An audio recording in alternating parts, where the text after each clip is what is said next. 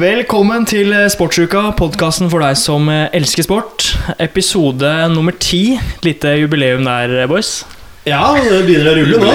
Rundt tall, rundt tall. Og for en eh, sportsuke vi har hatt. Eller sportshelg, først og fremst. Ja, det har skjedd mye. Det har skjedd mye. Eh, Vi må begynne med den triste beskjeden om at eh, Diego Maradona er død. En av de største spillerne som har eh, spilt fotball. Om ikke den største. om ikke den største. Eh, jeg må si at jeg har på en måte ikke noe forhold til Maradona. Sånn at jeg har ikke sett så veldig mye av han Eller jeg så ingenting av han når han var aktiv, men man har jo sett klipp, og man husker vel Eller om ikke husker 86, så har man jo sett eh, det VM-et der. Jeg vet ikke om dere har noe Nei, altså, det er vel ingen rundt det bordet her som har sett den mannen live. Så Sånn sett så blir det vanskelig å, å ha forhold til det. Men du har jo et forhold til han når du er glad i fotball.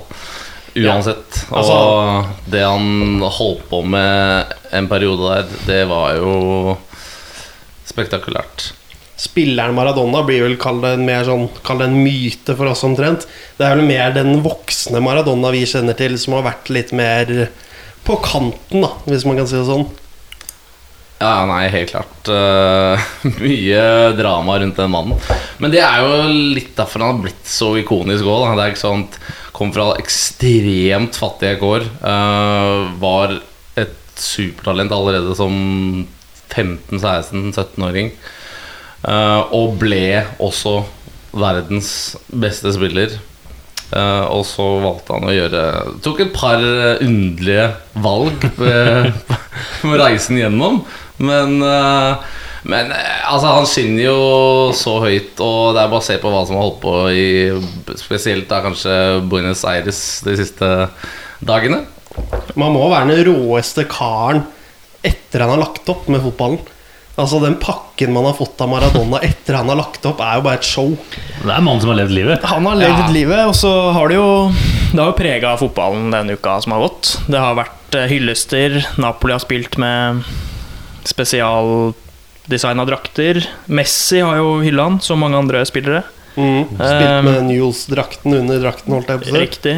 Og skårte vel et mål som var Altså, har du sett Helt det? likt. Har du sett det? Ja, altså, helt likt. Jeg må faktisk starte med å si sånn at når det der Maradona-målet til Messi kom, så tenkte alle hva, hva, hva, skjer? Uh, og så, Det her er noen rykter jeg hørte på den tiden når han, når han da fulgte opp med Guds hånd-målet. vet du. Og da, da gikk det i hvert fall rykter om at han visstnok prøvde på det, fordi han fikk, så, han fikk så veldig mye positiv energi og oppmerksomhet rundt det første målet. Og det er sånn, akkurat som han prøv, Du kan tenke seg litt at han prøvde seg på det nå også.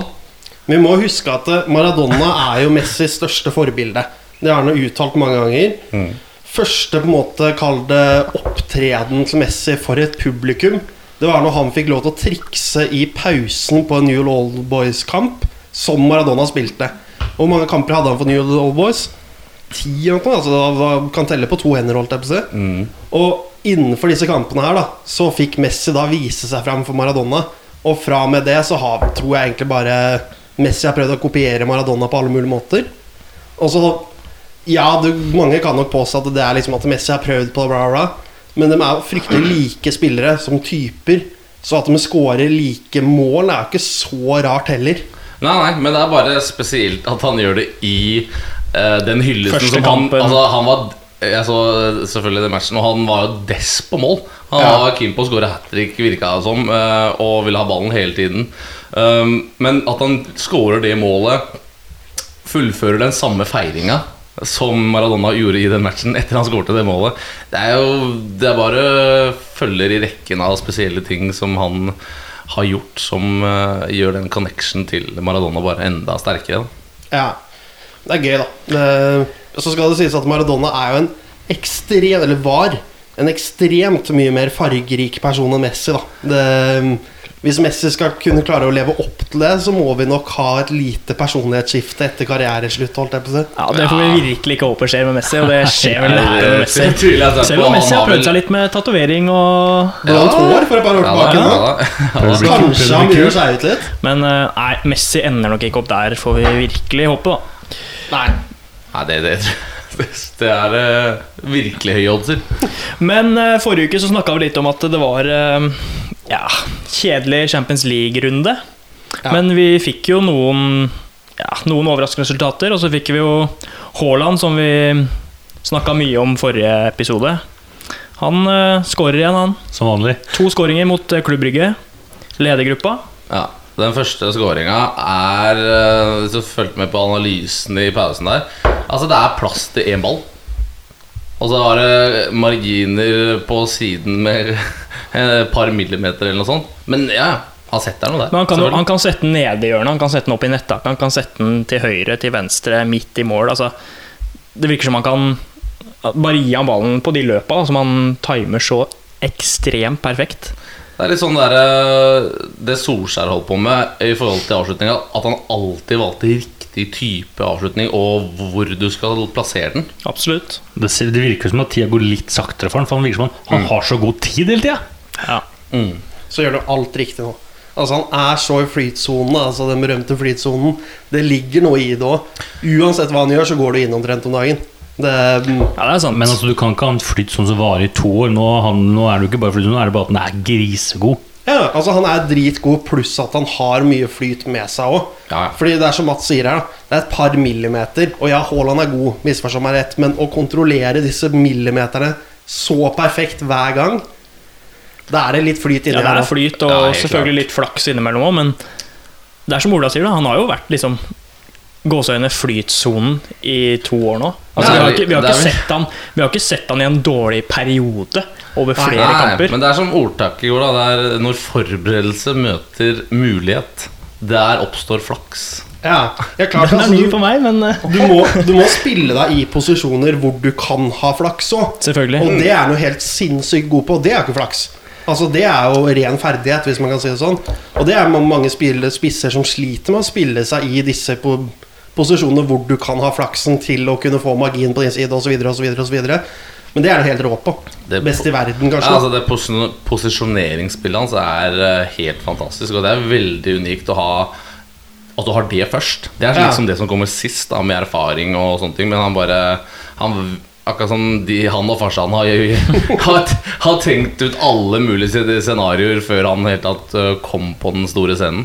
Og han bare går rett inn og, og begynner å score mål. Altså Siste måneden så har markedsverdien til Holland gått opp 400 millioner eh, Ja, det er helt rått. kroner, Hva er det nå? hvis det- 1,5 Nei, milliarder? eller noe? Nei, det er jo 1,6 var det. 1,6, ja. Det er helt sinnssykt. Det er, det er, altså, det er jo Han er dust mye penger. eh, han er, Ja, det er det er mer, Jeg tror det er mer enn Mbappe.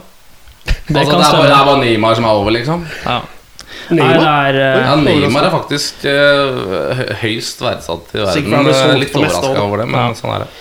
Nei, det er sykt det vi ser med Haaland, men ja, vi kan ikke være overraska hver uke. For det skjer jo hver uke. Ja.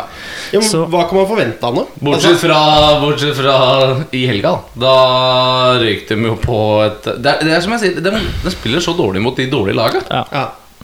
Det skjønner ikke det. Men noe som kan bli interessant, er fordi han vil jo komme i en dårlig periode på et eller annet tidspunkt. Ja, helt klart. Hvordan takler han det? Og det er da han virkelig på en måte får Ja, det, skal, om det han blir interessant, det. Ja. er en av de beste, eller om dette er på en måte et par år som er sinnssykt bra, og det er det, da. Ja.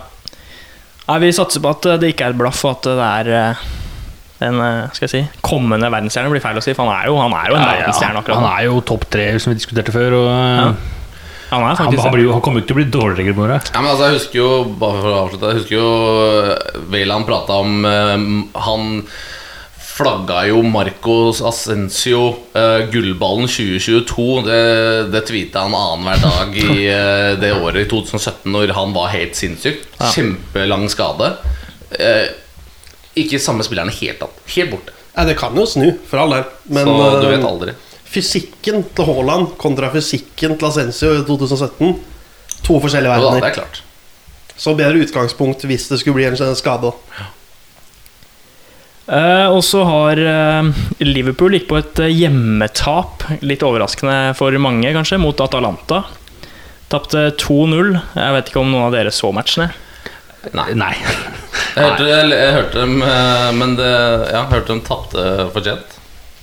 Ja, det var jo, ble jo fortjent til slutt. Det var eh, det var egentlig ganske nakent over hele linja fra Ja. Liverpools side. Um, det er jo mye skader og rotasjon, men likevel. Men backfireren er jo Man går jo fra å vinne 5-0 borte da, til å tape 2-0 hjemme. Ja, det er rart. Så det er litt rart. Det var jo Skal vi se her. Det er tolvte gang Liverpool taper på Anfield i Europacup slash Champions League. I historien. Ja. Det er sjukt. Men det Eh. var jo også Jeg så lagoppstillingen, og det var jo ikke noe første elver, hvis man kan si det sånn, som Nei. startet den kampen for Liverpool. Det er førsteelveren som er tilgjengelig, da, i hvert fall. Nei, de, de hadde vel et par spillere de sparte til den kampen. Altså Salah var ute Mané med covid. covid. Nei, Salah Mané spilte. Og ja, han var tilbake. på. Um, Ja, og så var det jo backfireren som var uh, heller svak, da. Men uh, det var uh, første tapet i gruppespill i Champions League på over seks år Mm. fra Liverpool. Uh, det var første tellende hjemmekamp hvor man tapte med mer enn ett mål for første gang på 137 kamper på Anfield under Klopp. Det er rolig. Og Atalanta var første laget som slo Liverpool på 90 minutter, siden Chelsea gjorde det i september 2018. Så eh, det var en del eh, eh, Hva skal jeg si rekorder som eh, røyk der. Sterkt Atalanta. Fryktelig sterkt. Det, var jo, vi får, det her var jo det vi snakka om Når vi skulle gjette gruppene. Ja. At de har den Um, X-faktoren. Og de har, litt, de har kommet litt treigt i gang, da, Atalanta. Men nå, nå begynner det å se Ja, gruppa hva er som skjer. vidåpen. Så Jeg har fremdeles trua på at, at, at var, det sånn, var det du eller var det du som tippa Ja, Seb som ville ha det du? Ja. du kan ikke si du eller du i en podkast. Det er ingen som ser oss. Ja, det Nei, er jeg greit. tenkte, ok, jeg er redd for at de ikke skjønte at jeg snakka om deg. Nei, nei. nei, så det var, det var overraskende. Ja. Eh, Molde gikk på, eh, som vi spådde, et tap mot Arsenal på torsdagen. Hva var det vi sa? Ja, den kom jo ikke med førsteelveren. Ja, det Solklart tap. Men det var Ja. jo igjen som vi Ja, Sebastian. Det stiller jo et bra lag, da. Altså Absolutt. Overraskende bra lag òg, Ja. hva de egentlig hadde trengt. Så PP måtte jo på tur, han. Selvfølgelig. Skårte. Den, den meldte vi jo. Var ganske frisk òg, men eh, det var litt som kampen på Emirates. At ja, Molde henger egentlig ganske bra med første gang. Og så bare skrur de til skruen litt, Arsenal, i pausen, og så vinner de 3-0. Helt Ja. fortjent. Ja. Så Men sånn skal det jo være òg. ja, Det er for gærent hvis Molde kunne gått og utfordret et ganske bra Arsenal-lag. Altså. ja.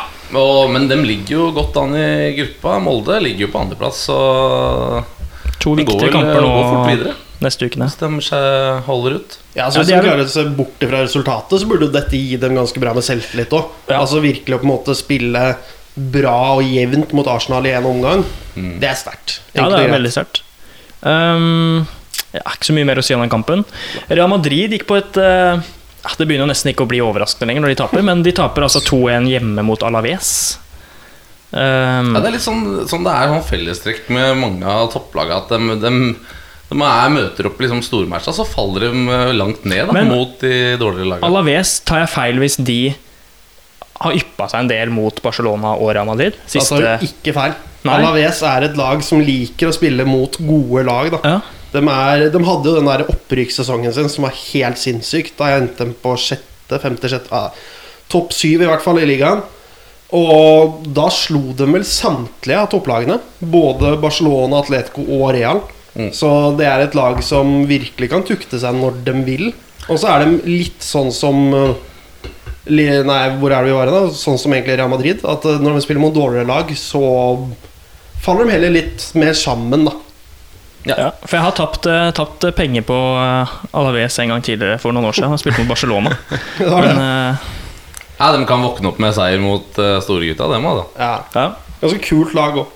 Ja. Spiller litt uten respekt. Ja Og, det veit jeg og Ola Til- ingenting om. Vi ser som kjent ikke Som vi kan om Getafe. ja.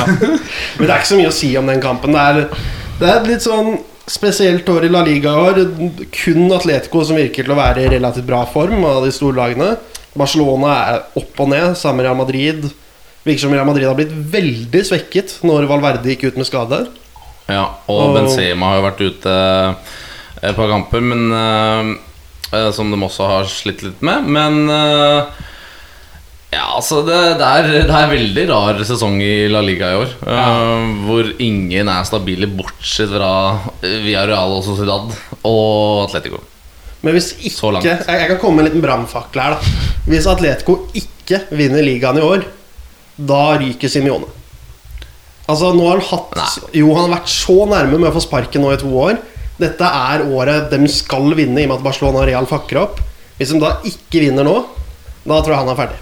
Leder med ni poeng på Barca, men det er jo lenge igjen, da. Og det her har jo vi sett tidligere at eh, det er liksom ikke den der hvor, sesongen hvor de tre stikker av og kriger om det. Det, det kommer tap eh, både høyre og venstre, og, og det blir avgjort helt til eh, siste måneden. Eh, men, men jeg skjønner hva du sier, men jeg, jeg tror han er så han er så elska av den, eh, de supporterne til Atletico og de Han er jo ikke, på en Det skal ganske mye til for at han får fyken, altså. ja. Vi får være enige med å være uenige. Vi får se. Bare ta med at Real Madrid eh, vant jo da i midtuka mot Inter, så helt ute er han Sterk, ikke. veldig sterk prestasjon av både Madrid og Ødegaard. Eh, som jeg nevnte også sist, eh, så mista de totalt banespillet når han gikk av. Og han starta jo heller ikke mot Alaves, han kom inn på slutten. Så Sånn sett så er det positivt for han da, at han, han er i et godt lys fortsatt. Ja. Og så må vi over eh, på eh, snuoperasjonen på St. Mary's United, Ola. Ja, det vilt. Ja, det er ikke noe annet å gjøre enn å smile, da. Jeg satt og så match og tenkte at ja, 2-0 til Southampton kan leve fint med det. Men så snur det jo totalt. Første gang var det total krise. Jeg tenkte jo at Ja, ja, på'n igjen. Men så kom det på en kar fra Uruguay, og da ja, da, da gikk det ganske fint, altså. Kjørte, kjørte 1 pluss 2, han. Jeg, jeg tok meg et lodd på 0-2 eh, til Uniteds snuoperasjon. Ja, det er eh, korrekt. Og altså, bombarderte jo Southampton i andre gang. Det var, eh, det var sterkt. Og altså det er jo nesten en utdøende rase, den der eh, klassiske nieren som Kavani er. da Ja. Og de scoringene, det er spisskåringer. Det er sånn spisskåring anno 1990-tallet. Ja. Hvor du bare dukker opp eh, på slutten av ballbanen og, og pirker den inn. Med Han er jo- ja. I tillegg. Ja, sist, jeg kan ikke huske Altså uten å bli historisk, jeg kan ikke huske sist United scoret, en United-spiller skåra to mål på hodet i samme kamp. Altså sånn med jeg i farta, i hvert fall. For at, Nei, det har jeg hørt flere si. ikke.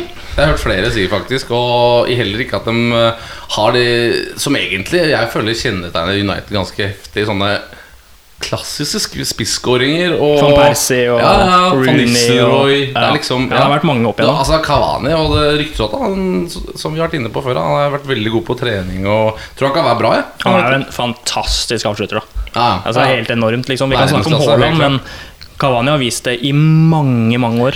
Ja, På landslaget òg. Ja, jeg si, jeg var jo skeptisk til Neringa. Tenkte liksom 33 år, litt sånn på vei ned i eh, Paris og sånn. Men etter hva, jeg, har- etter hva jeg har hørt fra England, og så leverer han jo knallresultater, også sånn fysisk. Så og sånn som hvis det må, og Neste gang så må han jo starte. Og jeg det, det er Vondt å si det, men jeg får jo trua igjen, da. Men det kommer jo det kommer til å være ei uke, da, så har jeg mista trua. Men, Ja, eh, men det er kanskje det som skal liksom være med å snu greiene. Da. At man får en sånn skikkelig sånn der mentality-greie på slutten der. At man faktisk snur en match. da Og borte mot Southampton er ikke noe, har ikke vært noe lett eh, i år, det. For Det jeg synes er mest imponerende, er det, at det han gjør når Bruno kliner til. Altså at, at, at, du er så rask i hodet at du liksom klarer å komme ikke, ikke bare at du klarer å komme deg nær ballen og få justert den, men du klarer å ta den med hodet. Ja, først Jeg hadde aldri turt å stupe inn der med hodet mot en sånn ball, men jeg tenker bare sånn Jeg får trua, da. Ja, da lukter det jo mål, da. Men uh, han er jo Det er jo eneste spissen i klubben. Da. Det er jo sånn, de, de som har eh, vært uh, spilt spiss for United, det er bare vinger, da. Ja, altså, Rashford, at Martial Det er ikke klassiske spisser. Jeg mener ikke at Martial er spiss, sjøl om mange mener det. Ja, Vi har jo kommer til å komme opp til Greenwood, men Ja. da, der, han er fremdeles så ung at jeg syns det er fantastisk at han er det. Helt rått.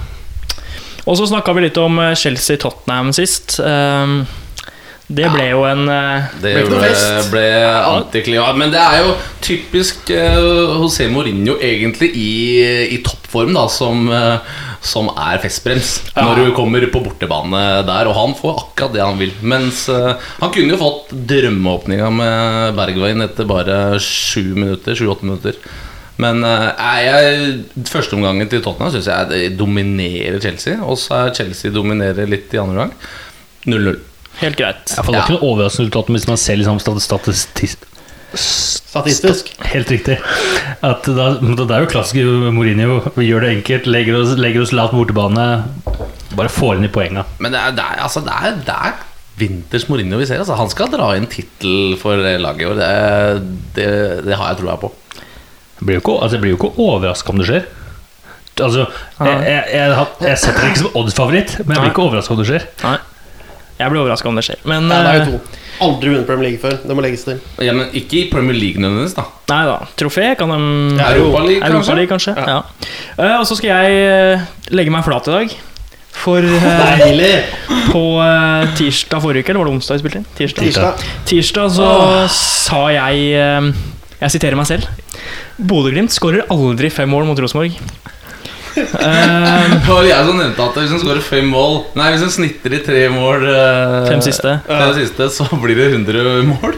Uh, og det var det som skjedde. Oh my Eh, Bodø-Glimt vant jo 5-1. Um, ja, det er ikke så veldig Jeg mye Jeg så faktisk kampen. Bodø-Glimt var gode, men Og det her sier jeg ikke som Rosenborg-supporter. At Ja da. vi ikke skårer mer enn ett mål. Ja. At Islamovic ikke har tre aleine. fryktelig Zakariassen skal skåre to. Ja.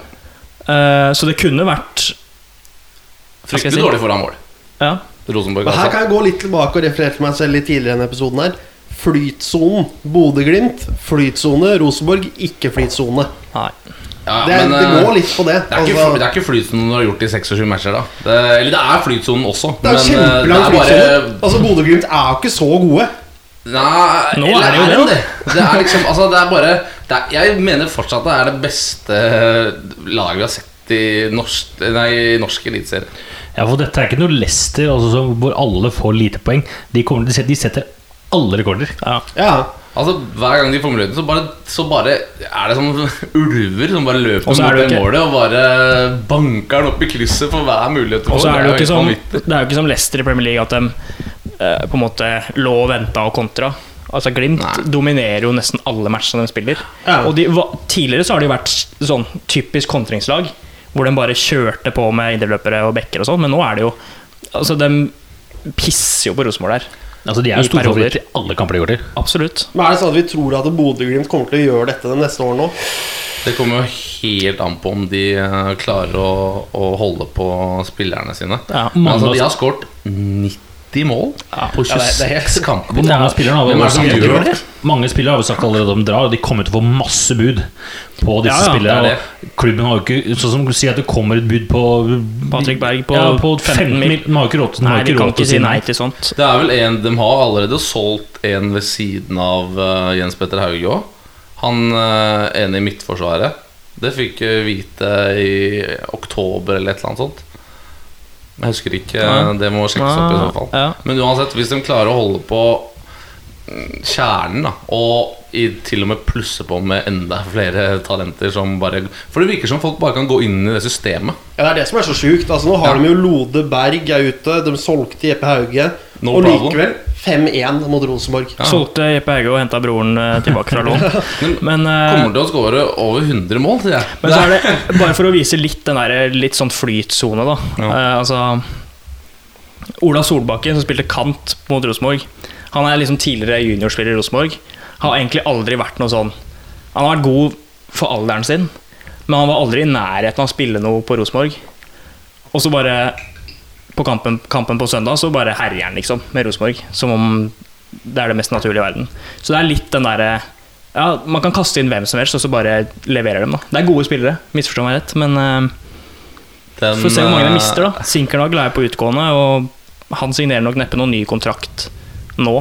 Selv om de får en del penger hvis han hadde gjort det. Men som, Han er, åh, han er god. Han er bra. Han er Wow. Men sånn som, jeg, som, som jeg sa i forrige episode, det viktigste signeringa deres er jo at de klarer, eller, at de klarer å beholde Knutsen. Knutsen, ja. Fordi uten han så går det fort nedover igjen. Og det er, jeg tror det er mange klubber som, som har han høyt på lista si. Men det er typisk at Rosenborg bare kjøper han Sinkejagen. Ja. Men var det noen som fikk med seg den rolige tweeten til uh, Ja, etter det slo Rosenborg. Ja. Den er så Sto sånn vakt i 90 minutter. Det er deilig. Den er, den er, Ja, men den, Den jeg tenkte, den er jeg tenkte mer på den er supporter-tweeten, eller hva det var. det var, eh, når de satt den der eh, skapet på Aker stadion. ja, ja. Og koden til skapet var 433, selvfølgelig. Så Nei, det var, Det var eh. For meg var det ikke morsomt å se kampen, men det er jo morsomt å se Glimt. da. De er jo gode. Så får vi håpe at eh, de faktisk kan beholde noen spillere og kanskje kunne komme seg inn i et gruppespill i Kanskje ikke Champions League, men Europaligaen neste år, da. Ja, for Der har de en fordel, at mange kan tenke at de har sett at det har gått så bra med andre lag som har spilt der. At det er, en det er, det er jo et fantastisk utstillingsvindu for å spille, bare spille kvalik til Champions League. Bare det at de spilte mot Milan, er jo Ja, ja.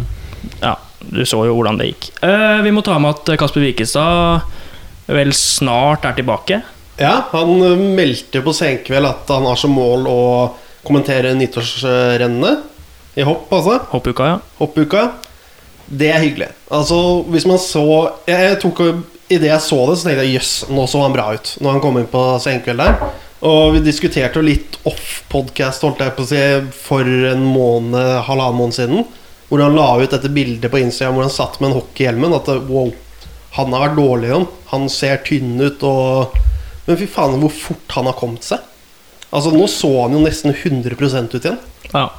Og det, det er hyggelig, ass. Altså, virkelig tøft av han å stille opp der og fortelle alt og sitte der og gråte på nasjonal TV. Holdt jeg på å Det var helt uh, fantastisk, faktisk. Og som du sier, fint å se han i, i god form igjen. God form og nei, jeg håper uh, Håper uh, han rekker det nyttårsrennet.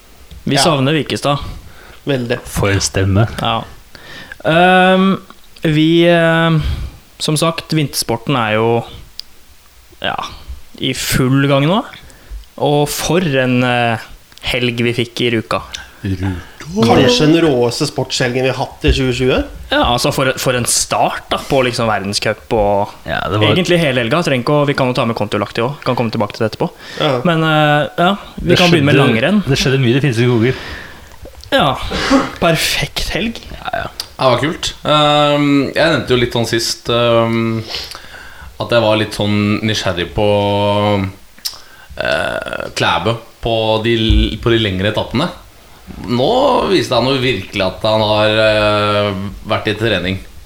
Det var jo helt rått, det han holdt på med på i hvert fall 15 km. Spesielt, tenker jeg. da Ja, vi kan mann. Ja, fortsett. Men øhm, sprinten hans Ja, Vi kan begynne med sprinten. Der var en annen en som imponerte. Hva? Valnes. Hva skjedde? Ja, det er helt sinnssykt. Men en ting dere ikke må glemme altså, dere, må, dere må se hvis dere ser i forhold til de andre. Han er like overlegen som før i forhold til alle andre. Ja. Det er bare Valnes som har tatt, som har enda tatt nivået. Ja. Og det er jo det Jeg syns jeg bare er gøy. jeg, At, eh, og jeg tror det er jævlig sunt for den. Jeg bare tenker ja. alle de andre nasjonene må hate Norge. Han kommer opp den ene, super, det ene supertalentet etter det andre. Ja. Men eh, eh, han virka litt bitter i den intervjusonen etterpå. Ja, det der syns jeg han taklet fryktelig dårlig. Skikkelig. Dårlig lagånd.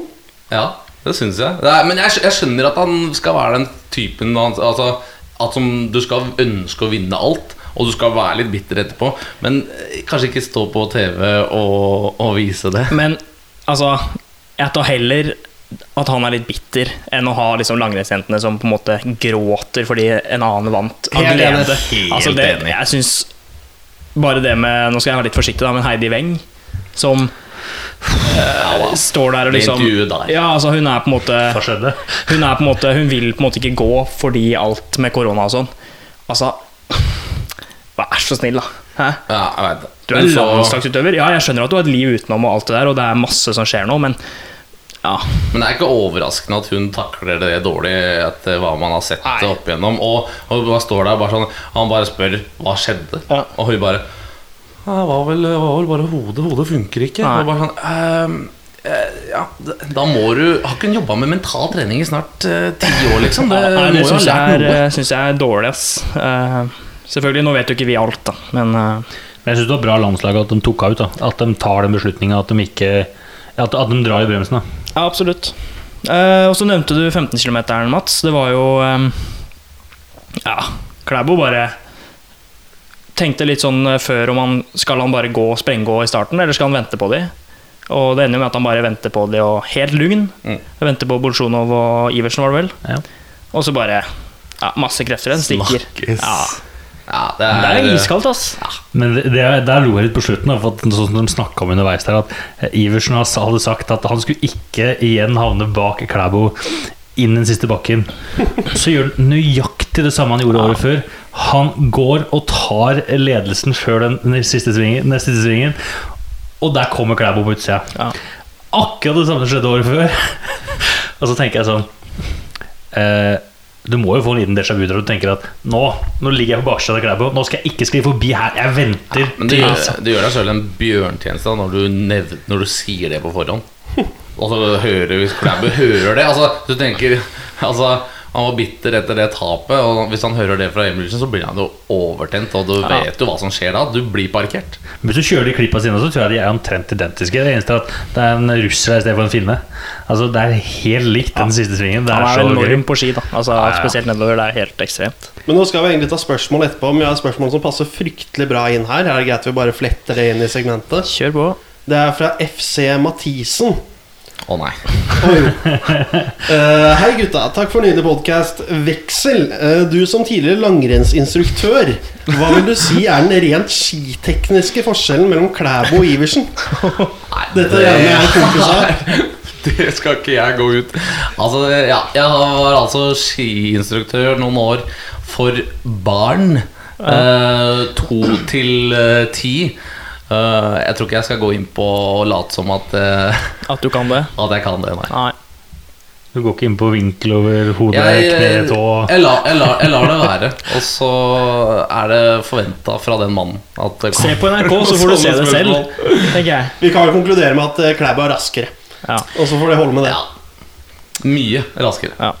Eh, vi må jo nevne damen òg. Det var jo som forventa, det. Ja, det var spesielt gøy, synes jeg, etter at uh, svenske jentene gjorde rent bord på sprinten og var så tøffe i trynet igjen. Og så spesielt da Foreid når Linn Svan sa at uh, disse Ja, ingen kommer til å ha sjanse til å ta disse svenske jentene. Og så kommer Johaug og knuser, og så blir det like furt igjen. Ja, Så var det litt uh, tenning der òg. Ja, hun blir furt og sier nei, men vi har jo nå tatt fem pallplasseringer. Og så går det en dag til, og så klarer de å felle hverandre. Og jeg syns jo bare det der bare var så fantastisk. Men altså, jeg må melde det hun meldte i forkant når eh, de norske langrennsutøverne kanskje ikke skulle gå pga. coachen eh, som eh, ble ramma av covid. Eh, eller Fotball-Sverige uten Zlatan. Michael Jordan uten basket. Det er ikke noe langrenn uten Norge. Nei, det er sant. Det har vært eh, trist og Eller trist for oss nordmenn, og kanskje bra for Ja. resten. Så får vi minne litt på hva vi snakket om forrige uke. Treneren til Johaug gikk ut og sa at Johaug ikke er i helt toppform. Ja. Så ser vi hva hun har gjort i helgen. Hvordan blir denne vinteren da? Altså, det ser ut som hun er i form. Altså, Det er ikke, ingen som er i nærheten. Det du kan ikke gå sånn uten å være i form. Men det er jo kult om Frida Karlsson kan på en måte Kjempe litt, ja. kjempe litt, for det, det er en potensiell jævlig kul duell, da. Men jeg syns ikke hun så sånn supersprek ut, i hvert hvert fall ikke på søndagen. Nei. For jeg, jeg fatta ikke hva som skjedde der. Liksom, når du ikke går i første Hadde ikke disse sprinterne tryna, så hadde hun ikke kommet på Så hadde hun ikke vært i nærheten av en topp fem engang. Så må vi huske at alltid disse VM-sesongene Så er det veldig mange som legger opp sesongen ulikt. Hvordan de er trent. Ja. Mange topper jo formen sin inn mot VM og driter i hva som skjer før og etter. Mens typ sånn som Johaug vil jo gjerne være god gjennom hele sesongen for å vise at hun er overlegen. da Litt samme greia som Jonsrud Sundby har gjort i mange år. Og Riktignok han har bommet mer enn hva Johaug har gjort, men eh, de har litt med den greia at de skal Ja. være gode gjennom en hel sesong. da Og ikke bare toppe inn mot mesterskap, sånn som svenskene er Kaller litt mer ekstreme på. da Men der uh, Norge har uh, tapetsert uh, ballen ja, gjennom helga, så på sprinten så var det vel en annen nasjon da som Ja. tok over. Trippel, var det trippel svensk? Ja. Overlegent. Overlegent. Eh, noe annet som var, eh, om ikke overlegent, så var det jo skihopp også. Eh, Halvor Granerud vant sin første verdenscupseier på søndag. Oldebarnet til eh, Torbjørn Egner. Er det det? Ja. Eh, 24 år, eh, har egentlig aldri vært noe sånn Ja, skal jeg si De siste to-tre åra så har han på en måte vært Vært på landslaget, men han har aldri liksom kjempa helt i toppen. Mm. Nå vant han eh, på søndag, og det var eh, en rørt Granerud som eh, ble intervjua i NRK etterpå. Som Har han ikke lært å hoppe på nytt? Jo, han har på en måte lagt om alt. Skal ikke jeg gå inn på hopp teknisk, men han har på en måte funnet ut, funnet ut av noen ting og lagt om stilen sin litt. Da. Så det var veldig morsomt. Og så ble Forfang nummer fem og Robert Johansson nummer seks. Så tre blant de seks, det er jo bedring fra forrige uke. Veldig. Det- starta dårlig den sesongen. Ja, det starta dårlig, men eh, nå er vi på en måte Opp og nikker igjen. Opp og nikker igjen, så det var kult. Og så har vi også kombinert, hvor Vi fikk en eh, sensas sensasjonsseier ehm, på lørdagen? Søndag. Søndagen. Jens Lurås Oftebro. Det var en eh, utøver jeg aldri har hørt om, i hvert fall. 20 år. Um, Han gjorde det ganske bra, for han hadde pallplassering i fjor og bak ribberen. ja. Ehm, Det var skia til Riber som gjorde jobben. Ja, for Riber eh, ble altså Greia var at når de skulle hoppe, så ble eh, hopprennet ble avlyst pga. Av vind, som det ofte er. Mm. Eh, og da skulle de ta treningsomgangen fra torsdagen, og da ble Riber diska. Så han fikk ikke gå siste på søndagen. Men likevel så vant han jo den minituren, da. Uten å gå. Ja. Siste rennet. Det så det sier jo sitt. det sier sitt. Han i. Han vant vel Jeg lurer på om han vant 17 av 20 renn jeg, i fjor. I Han, han, 14 av 17. 14 av 17, ja. Unnskyld. Er helt han, vel, det var, det, han brukte skia til Riber? Ja. Gikk på skia til Riber uh, siste Det var grunn til det, liksom? Trengte- Han trengte dem ikke sjøl, da.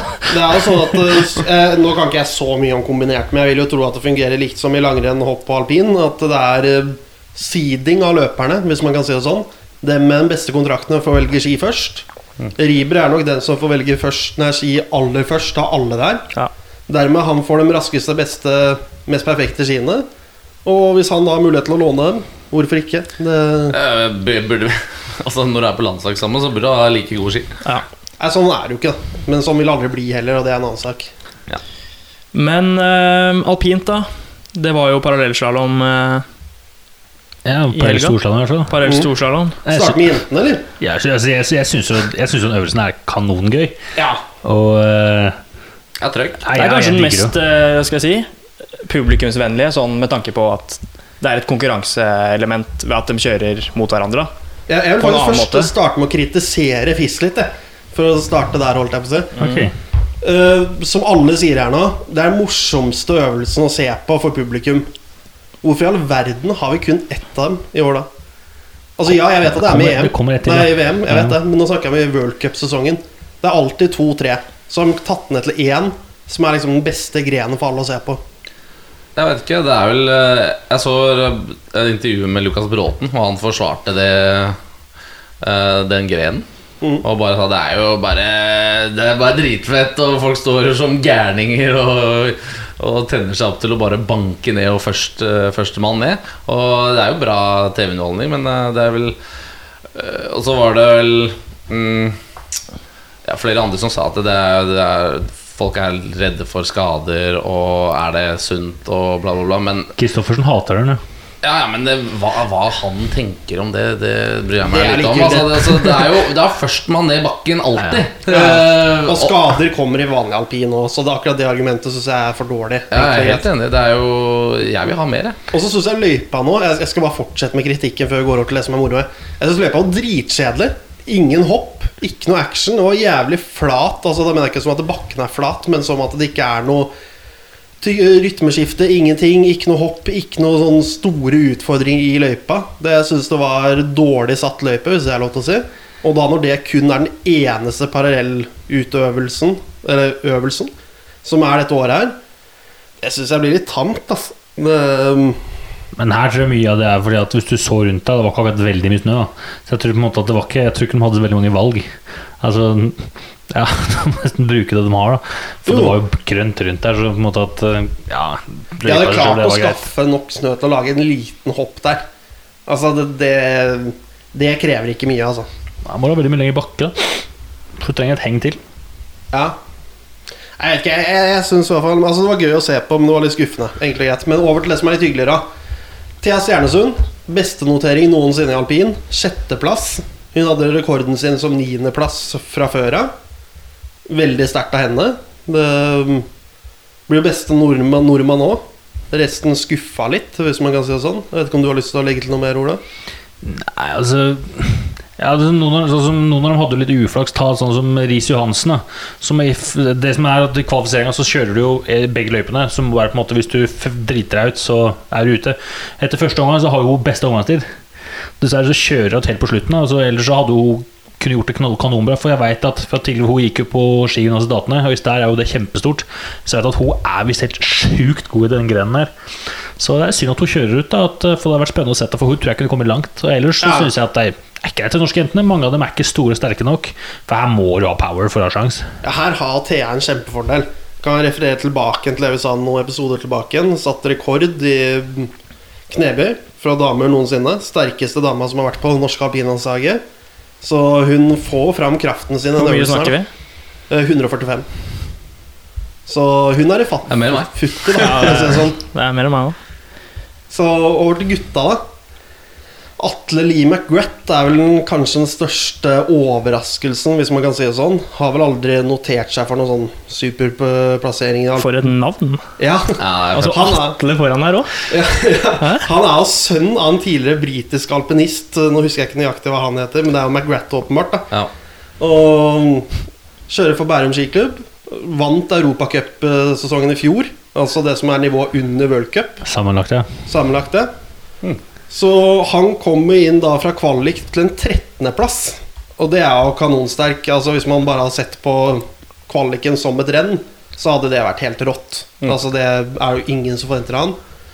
Du må ta med at det er bare 16 som går videre, Det er derfor det er ganske Ja, bra. det er kun 16 som går videre. Han kommer inn på 13.-plass. Dessverre så ryker han ut i første runda, som alle andre nordmenn utenom Christoffersen. Det er vel kun han som kommer videre til andre omgang, hvis jeg ikke husker feil. Ja, han er vel den eneste som faktisk Han er vel han- Kristoffersen er den eneste som slår en som er bedre ranka enn seg i løpet av hele rennet. Riktig. Kristoffersen kommer jo også helt til finalen. Taper for Panterå der. Kommer inn på en andreplass. Og som Ola var innpå tidligere her Kristoffersen liker jo ikke disse rennene her.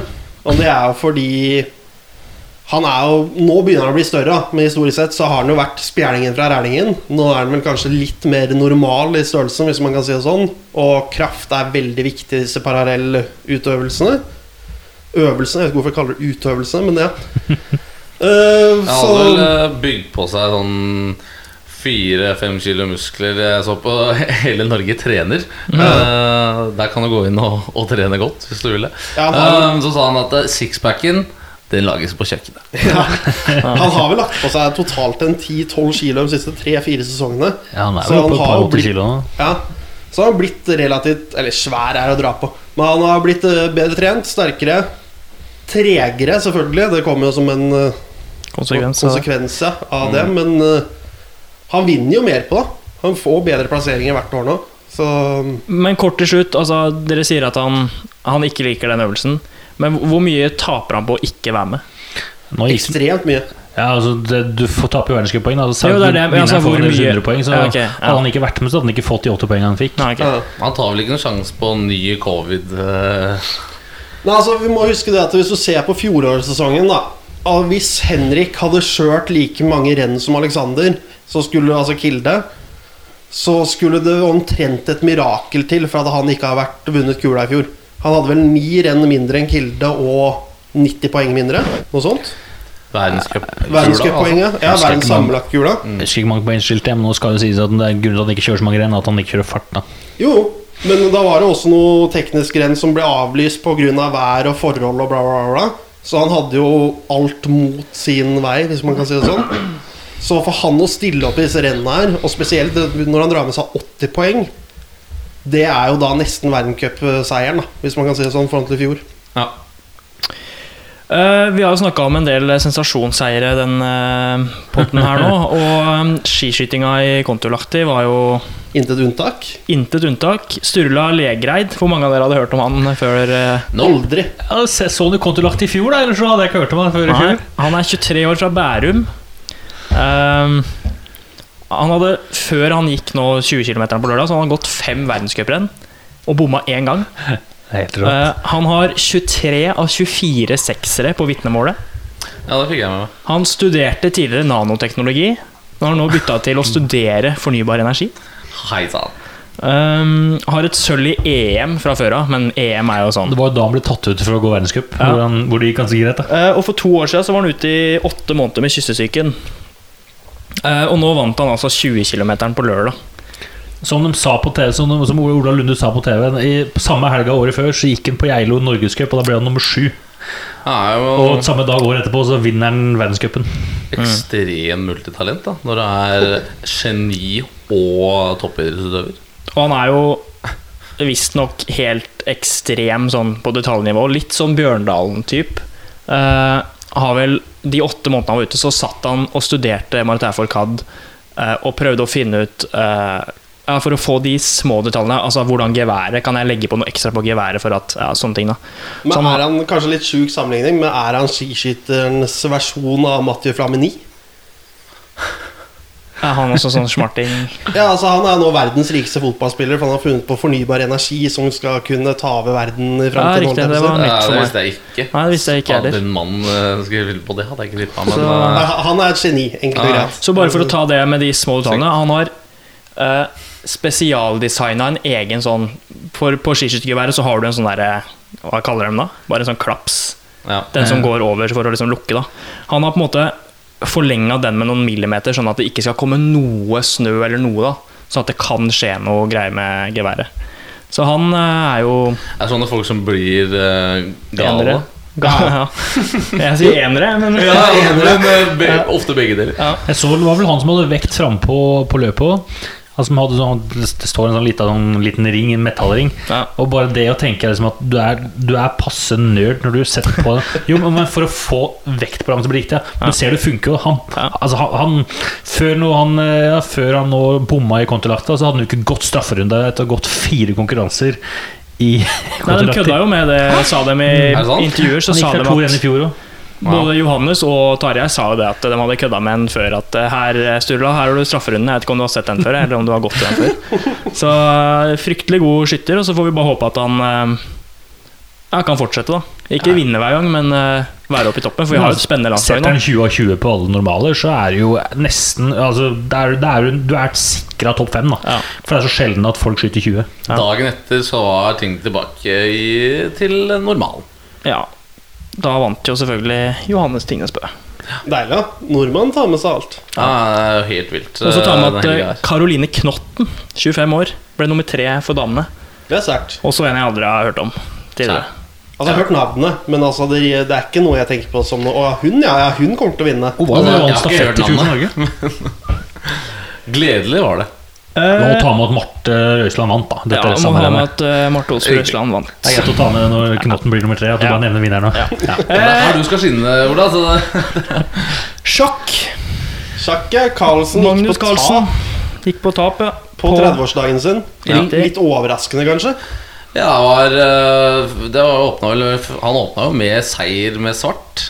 Tapte med hvit. Eh, Vi fulgte opp med eh, Ja, det var jo velfortjent eh, tap, i hvert fall ifølge ekspertene i studio. Og jeg er ikke noe sjakkgeni, så jeg stiller meg bak eh, ekspertene. Men det var jo saftig han dreit seg ut, da. Altså når han eh, Nå vet jeg ikke hvor hvor mye dere ser på sjakk, men eh, på slutten av det siste partiet, så Var det en bukk?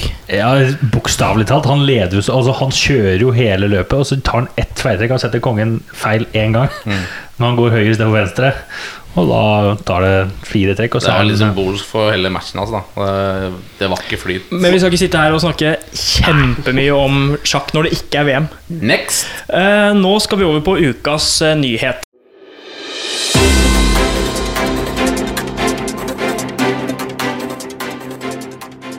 Eh, Og jeg kan jo begynne med å si at Petter Northug har gitt ut julelåt. 'Petters jul'. Eh, ja, ikke noe kjempelåt, spør du meg, men jeg er ikke noen musikkanmelder. Vex. Uh, Mike Iron Mike Tyson gjorde comeback i helga mot uh, i en sånn exhibition uh, legend exhibition match mot Roy Jones jr. Uh, han mattrakterte den mannen i åtte runder. Og visstnok så var det uh, avtalt på forhånd at han ikke skulle få slag i trynet, for hadde han det, så hadde han blitt knocked the out. Next. Ja, det var jo Formel 1 i helga, og da var det jo en ganske heftig ulykke med Romain Grosjean for haslaget som krasjer i den nette sum av nei, nettefart av 221 km i timen. Det tar jo totalt 45G eller noe sånt? Ja, noe sånt, ja. Det brenner jo så det synger. Han er, han er i brannen mellom 20 og 25 sekunder. Og det er pga. en sikkerhetsbøyle som veldig mange var imot for noen år siden, som ble størst og slett redde livet hans. Heldigvis går det bra, men han kommer unna med noen brannsår på, på hendene og anklene, hvis jeg forstår riktig. Ja. Og rett og slett griseflaks og kjempegøy at det gikk bra. Nei, Hvis du går inn og ser den uh, ulykken, så skjønner du at uh, de skadene, det er mirakel. Ja. Så vil jo nå Tyskland avlyse skisesongen. Og da snakker vi om den tyske stat. De ønsker ikke å ha noe skirenn i Tyskland. Prøver å få med seg Sveits, Italia og Østerrike med på dette her. Østerrike er visstnok dem som er mest tvilsomme, ettersom at dette er en stor, stor inntjeningskilde for det østerrikske markedet, hvis man kan si det sånn. Så det blir spennende å se hva de gjør, ender opp med. Det var eh, ukas eh, nyheter. Eh, skal vi ta lytterspørsmål nå, eller skal vi kjøre det på slutten? Vi kan ta det nå, kan vi ikke det? Vi kan ta noen lytterspørsmål nå. Skal skal jeg få Vi har her? jo fått inn eh, en del. Vi har faktisk fått inn en del, ja. Ja. Eh, vi kan starte med vår kjære, kjære klassekamerat Anna Sjåne. Hun har spilt inn fem spørsmål, så jeg tenker at det er greit å bare ta dem litt sånn fort og gæli. Første spørsmålet er jo hvem var han duden som redda et mål med å stå på hendene?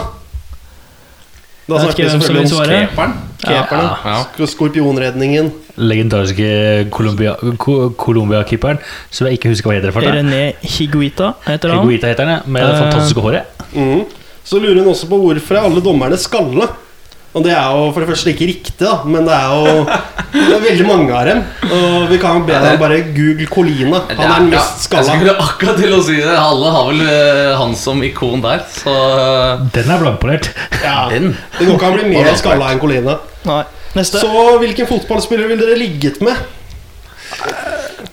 Skal vi svare på det? Og ta Alex? Morgan. Er Ronaldo bare for at, bare for at det er Ronaldo?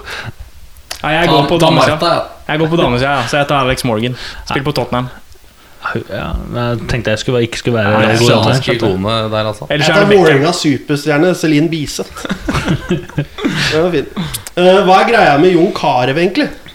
Eh, greia er vel at han er en av tidenes beste norske fotballspillere. Væskeprodusent. Ja, Væskedesigner er vel egentlig det som han har vært. Kjempegod i golf. Kjempegod golf. Briljerer på eiendomsmarkedet. Ja, Så er jo helt vill på Maskorama nå, som Elgen. Uh, viser fram nye sider der, for dem som har sett på det. Riktig? Det er selvfølgelig bare en teori. Ja, det er Markus Marcus Bailey. Det tror jeg Og òg. Vi skal ikke sitte her og diskutere Maskorama. Neste spørsmål. Uh, For fotballspillere skuespillertrening, siden det er så mange som er pussy. Nei, det var jo i hvert fall Jeg husker det var sånn på tidlig 2000-tallet, så var det sånne klipp fra italienske for jeg husker- jeg husker Italienske landslagstreninger hvor de øvde på å dive og sånn. Så det kommer vel derfra. Jeg husker ikke hvilket lag, men det er et lag som faktisk har trent på. Jeg lurer på Det var i Nederland som faktisk trente på det i forhold til å få straffer. da Altså, det var, det var, det var Italia. Var det Italia? Ja, ja. Selvfølgelig. Hvem Er det noe skuespillertrening i Follo, Stian? Nei, det er lite skuespilltrening i Follo. Det er lite trening i Follo nå. Ja. Men eh, nei, vi har ikke hatt noe skuespilltrening ennå. Ja, Så kan vi hoppe over til eh, Sjarmagrammet. Oppnådde Maradona noe særlig i sin trenerkarriere? Og der er vel svaret nei. Han har vel aldri vunnet noe som kom vel til en åttendelsfinale i 2010, tror jeg, med Argentina. Mm. Røyk mot Tyskland. Men uh, han var jo faktisk trener fram til Lurer på om det var Om det var september i år? Nei, altså det var da han ble Han var jo Han skulle gjennomført en trening når han ble tatt ut for den ehm, eh, Hva var det hjerneblødningen han fikk? Og så, så han var trener helt opp til eh, det var over. Men eh, nei, han har ikke oppnådd noe særlig. Nei. Så lurer han også på hva gjør Ståle Solbakken nå? Og det er vel så enkelt som at han henger med HamKam i rem og Rekdal, holdt jeg på. Han ranter. Og han sponser også litt av lønna til Rekdal. Så, Og så venter han vel på en telefon fra NFF. ja, han hadde fått leste nå i går var det vel at det var to tyske klubber som var interessert. Han var i hvert fall med HamKam når de møtte Koffa. Det Ja. kan jeg informere om. Det hadde vært kult om han klarte eh, å få til noe. Han har jo en sønn som spiller på Koffa. Markus Solbakken. Mm. Ja, på HamKam i hvert fall. Ja, på. HamKam. Hva sa jeg? Du får Koffa. Ja, nei, på HamKam, ja. På Hamar-kameratene. Uh, og så lurer han på hvorfor heter Bodø-Glimt Bodø-Glimt? Hvorfor ikke bare Bodø, med andre ord? Uh, der gjorde du litt research. Ja, jeg måtte gjøre research, for det her er jo ikke noe jeg har tenkt på, egentlig. Hvorfor heter det Odd Grenland Odd Grenland? For det har må ha glimt i øyet. Nei, jeg fant egentlig ikke noe godt svar på det. De starta vel med å hete Glimt, og så fant de ut at det var et annet lag som het Glimt, og så endra de vel til eh, skiklubben Glimt. Og så endra de igjen til Bodø-Glimt. og så- Jeg fant ikke noe greier. Fotballaget het Skiklubben Glimt. Ja. Men det er sånn som Eidsvoll Turn heter Eidsvoll Turn. Da. Ja. Så, nei, jeg fant ikke noe godt svar på det, så det veit jeg rett og slett ikke. Pass. Så skal vi videre til en legende. Og vi har lenge kalt Ola for kongen av Gjerlo, men det begynner jeg å skjønne er feil. Du er bare en prins, Ola. Jarle Uthus, han er vel kanskje mer kongen av Gjerlo. Han lurer på hvor mange dager er det til Skarverennet 2021? Daddy Uthus? Daddy Det er pappa, ja. Det er eh, I snakkende stund så er det 136 dager, 20 timer og 41 minutter til Skarverennet 2021. Til vårens svakeste Går av. Det er vel ikke tilfeldig at uh, farsan din spør om det heller, Ola? At den spør en her, jo, det er ikke så ofte vi snakker om det, faktisk. Så. Han er involvert. Ja, det, er, ja, det kan sies. da Han er organisasjon, leder for organisasjonskomiteen til Skarveren. ja. Ja. Nei, vi må videre. Har vi noen flere spørsmål? Eller Ja, det? vi har ett igjen. Uh, Jesper Smedsgaard Sundal. Uh, husk navnet, for det kommer en liten quiz på dette her etterpå. Uh, kul podkast. Det er snart håndball-EM. Vet dere ikke har snakket om noe håndball ennå, så har dere noen tanker rundt mesterskapet. Hilsen ukentlig lytter. Uh, jeg kommer tilbake til det, for jeg har eh, en del eh, på håndball-EM som begynner på torsdag. Så Jesper, var det det? Jesper Sundal. Jesper, du skal få svar på det om uh, litt. Hold deg fast, Men Jesper. et lite spørsmål for å se mm, litt kunnskap av dere. Du trenger ikke å svare på det, Stian, Ja. for jeg tror du vet dette. her Ja.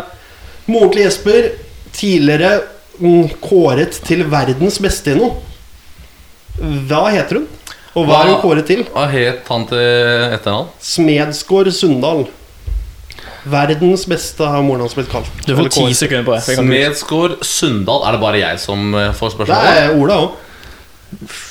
Akersnøring. Dart. Hun var verdensmester i uh, høydehopp. Nei, jeg tipper håndball. Jeg skal være helt ser- ser seriøs, da. Ja, altså Litt mer spesifikt. Hun var verdens beste håndballkeeper. Turi Smedsgaard der. Aldri hørt. Hadde vi noen flere spørsmål? Var det, Det var det. Det var det. Da skal vi gå over på kommende uke, eller den uka vi er eh, allerede inne i. Eh, Champions League eh, Litt mer spennende oppgjør den runden her. Atletico Bayern München i morgen klokka ni. Et Bayern-lag som står med tolv poeng. Atletico som med fem. Har de fått uh, covid eller noe, uh, Bayern? Fordi jeg gikk inn og sjekka oddsen i dag, og de hadde 3,70 odds eh, borte mot Atletico. Atletico er gode i år, Jo, men men er de ødela dem Men sist de gang. spår vel at uh, de vel ikke kommer til å starte bestelaget sitt. da Det er vel litt det at Atletico må vinne. Bayern må egentlig ingenting. Så jeg Ja. tror det er derfor. Jeg tror ikke det er noe covid. Fortsatt veldig høy odds. Hva var oddsen på Atletico i forhold? Var det mye lavere, eller var det jevnt høyt? Nei, altså når de har 3,70 odds, Ola, så har Atletico fort ned på en 1,92. Et eller annet. 1,92 der. Ja, men Det sjekka jeg ikke. Jeg så bare på, ble bare overraska. Så Bayern vant da 4-0 i første oppgjøret, men eh, ja, vi trenger kanskje ikke å si så veldig mye om den kampen. Det blir en spennende match. Ja. Og så kommer det en eh, ny spennende match på onsdag, hvor eh, United tar imot PSG. Eh, det er også en ganske åpen gruppe. PSG og Leipzig står med seks poeng. Ja, United med ni. eh, PSG-laget, det irriterer meg hvor dårlige de er. Det er så det er spekka med stjerner. Og nå røyk de jo på tap mot eh, Monaco.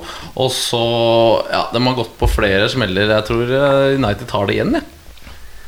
Ola, du som er United-eksperten vår. Jeg, jeg, altså, jeg, jeg tror det blir uavgjort.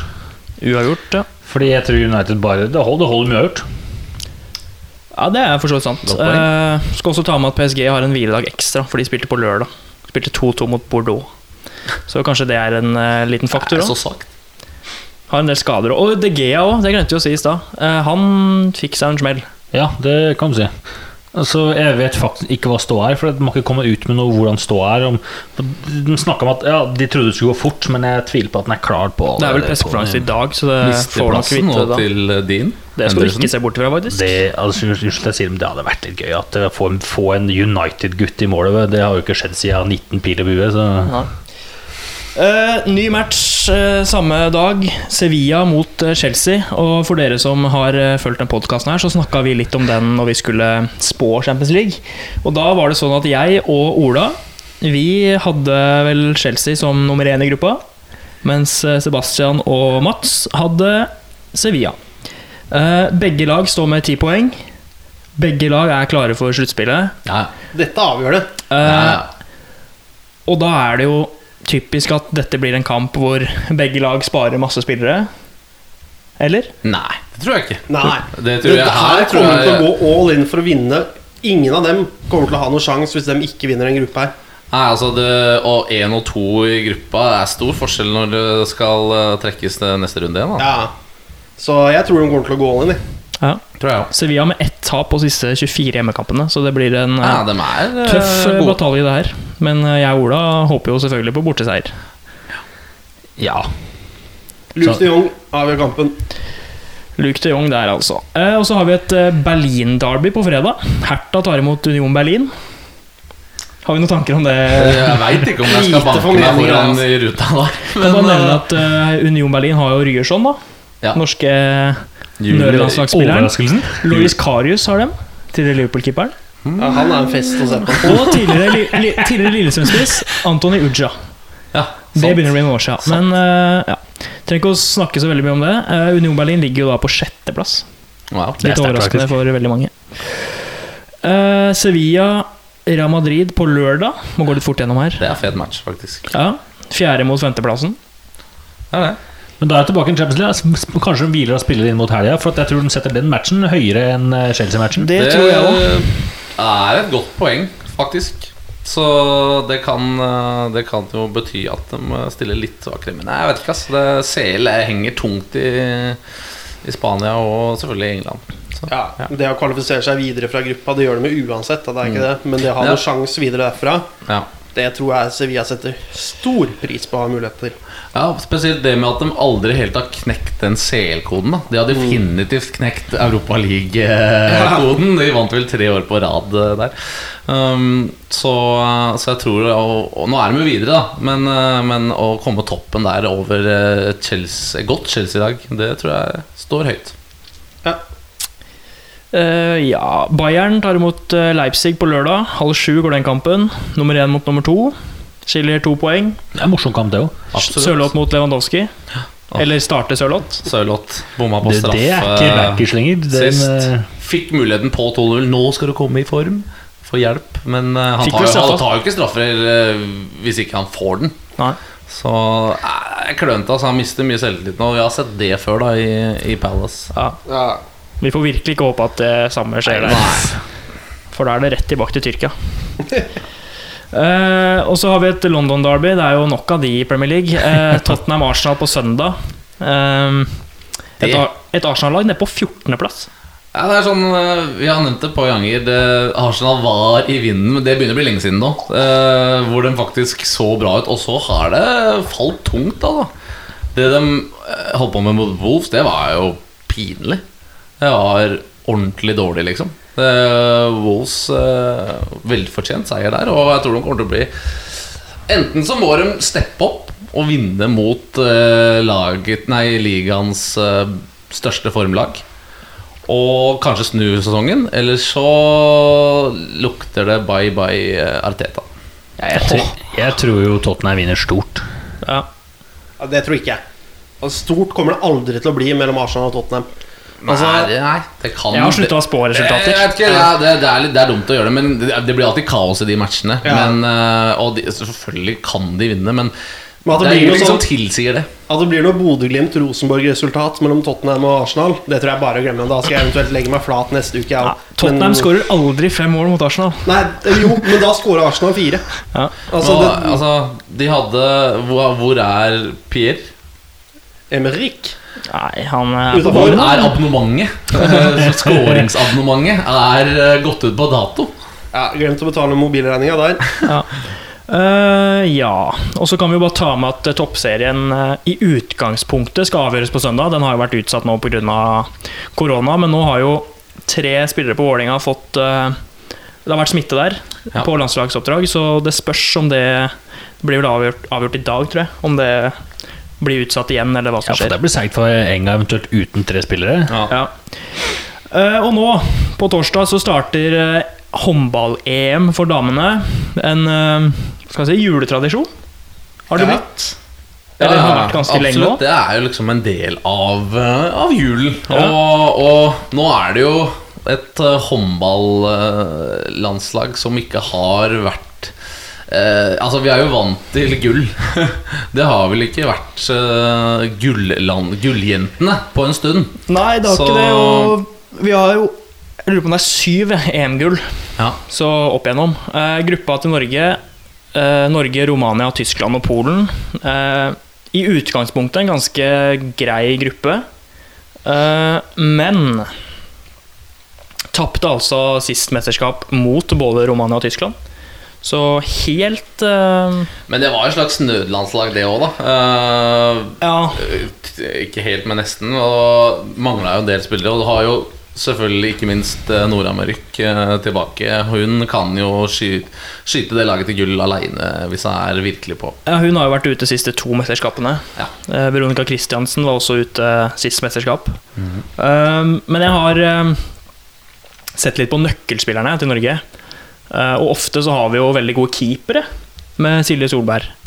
Hun har um, covid-19. Ja. eh, og det er sånn at andre gang. Er det det? Trodde man ble immun, ja, men det Tydeligvis ikke. Men uh, problemet her er jo at hun får ikke komme inn til Danmark uten en uh, negativ test. Så det er mulig at hun får spilt litt i mesterskapet. Men uh, VG-journalist Jostein uh, hva heter han? Ovevik, kommende kollega Sebastian, som skal inn i VG i januar, han spådde at hun ikke kommer ned til Danmark. Og da er det Emily Stang Sando, en keeper som har spilt tidligere, men som ikke er eh, samme Debuterte for ti år. Kaliber, da. Ja. Silje Solberg er jo en av verdens beste keepere. Ja. Bare for å ta med det. Nå skal si Eh, at det kommer ned en keeper til. da Mest sannsynlig ikke før i tredje runde. Katrine Lunde er henta inn i troppen. Um, Etter en svært trist historie. At hun dessverre mista barnet sitt. Ja. Mm. Men det kan jo hende enten Lunde tar opp eh, hansken. hansken igjen, eh, bokstavelig talt.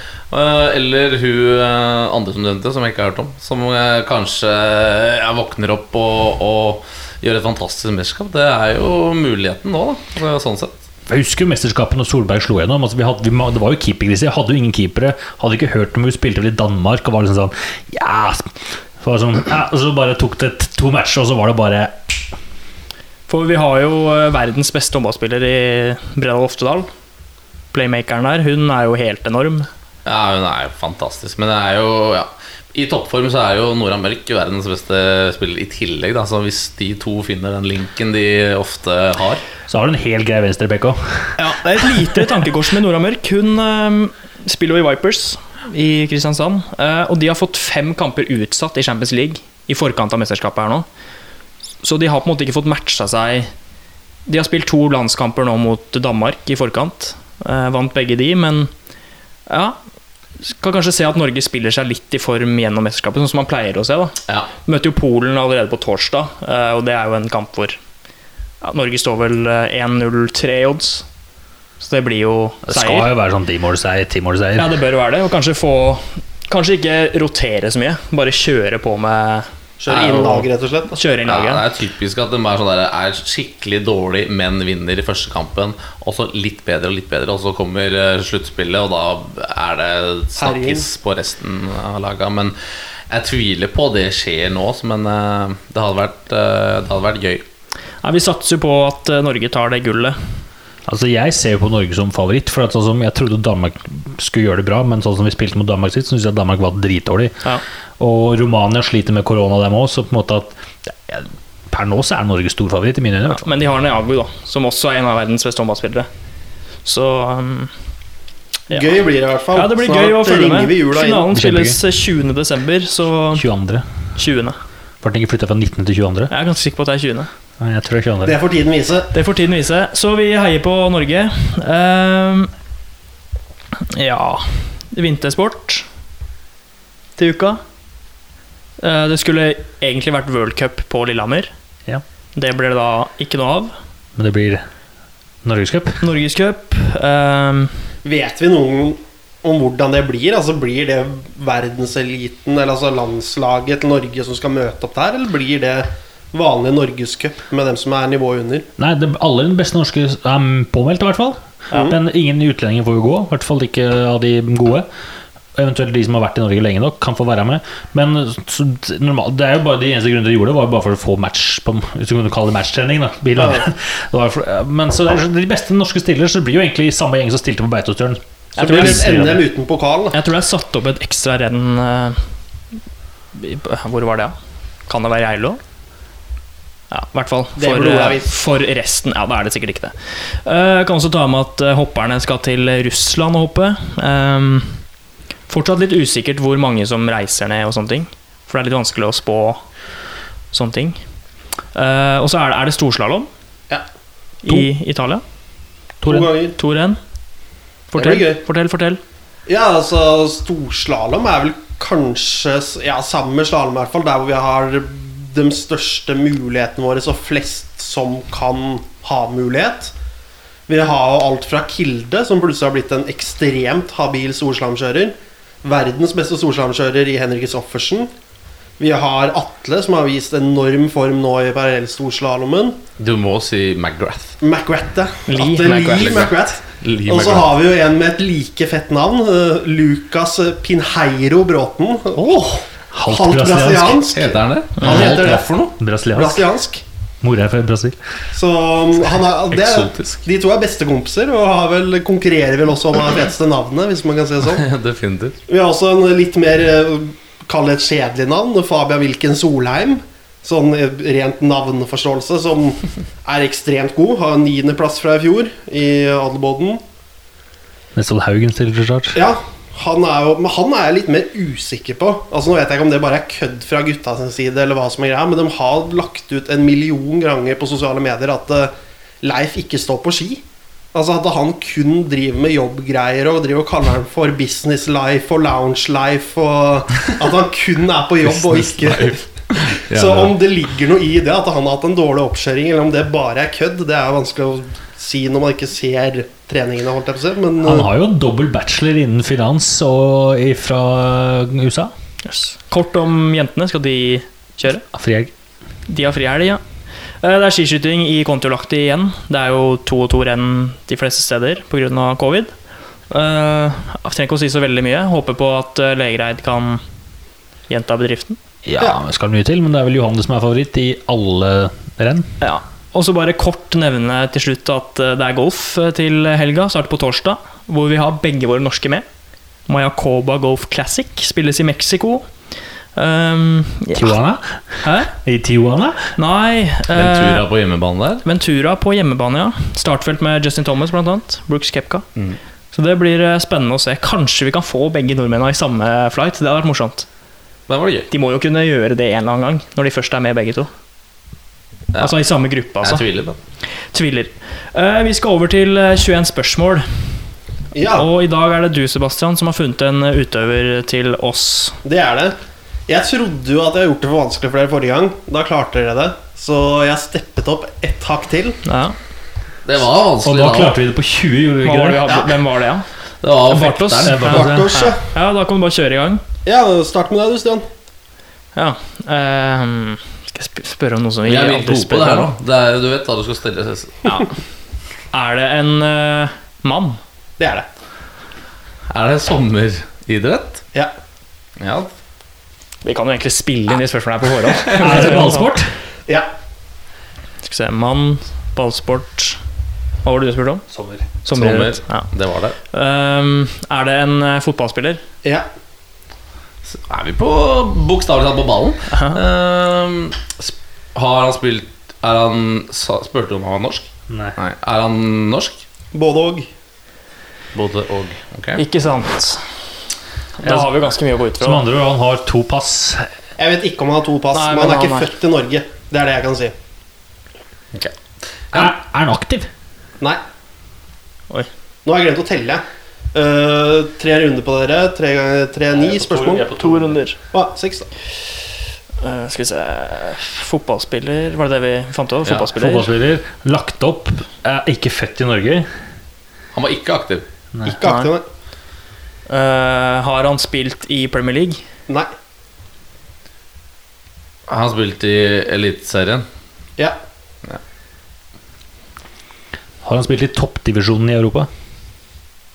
Altså en av Altså topp de, fem. to, en av de topp fem, da. Top fem. Å, nei. Så han, så han er ikke grise, han har aldri vært grisegod. Han har spilt i Norge. Og han er, men altså, hvis han er født i et annet land, så bør jo kanskje han har ikke spilt i Eliteserien, han har spilt i, i Ja, Tippeligaen. Eh, ja, det heter Ikke Tippeligaen. Siden da. han ikke er aktiv, så har han ikke spilt i Eliteserien. Er. Ja, det er riktig. Ja. Men altså, det het jo Eliteserien en gang tilbake i tiden. Og jeg husker ikke når den byttet over til Tippeligaen. Oh, det er så det er i gratis tips der. Det er lenge siden. Ja. Eh, Han er ikke helt norsk. Uh, Nå må vi tenke, hvem, hvem er Spør om han har spilt på landslaget.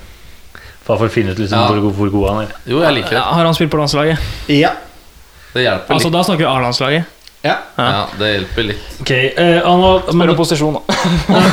vi, må tenke, vi må prøve å finne ut hvilken tiår han spilte i, først og fremst. Ja, det må være lenge siden, da. Men jeg, jeg, jeg kan jo ikke eh, statsborgerskapet Spør om, han, har- spilt mesterskap, for da vet vi ca. tiår i hvert fall.